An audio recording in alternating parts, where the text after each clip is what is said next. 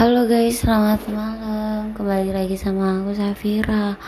Hmm, tau gak sih guys, aku tuh lagi bimbang banget cari uang kayak gimana. Lagi masa pandemi kayak gini ya, susah banget. Ya, mudah-mudahan kalian rezekinya lancar. Intinya gitu ya.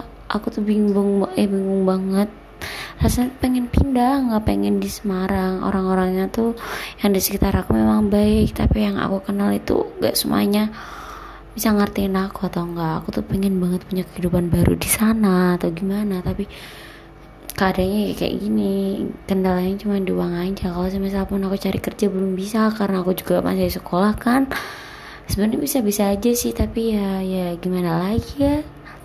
Masa pandemi kayak gini tuh susah banget. Intinya kalian kalian sana nggak boleh patah semangat. Harus berjuang demi masa depan kalian. Intinya semangat ya guys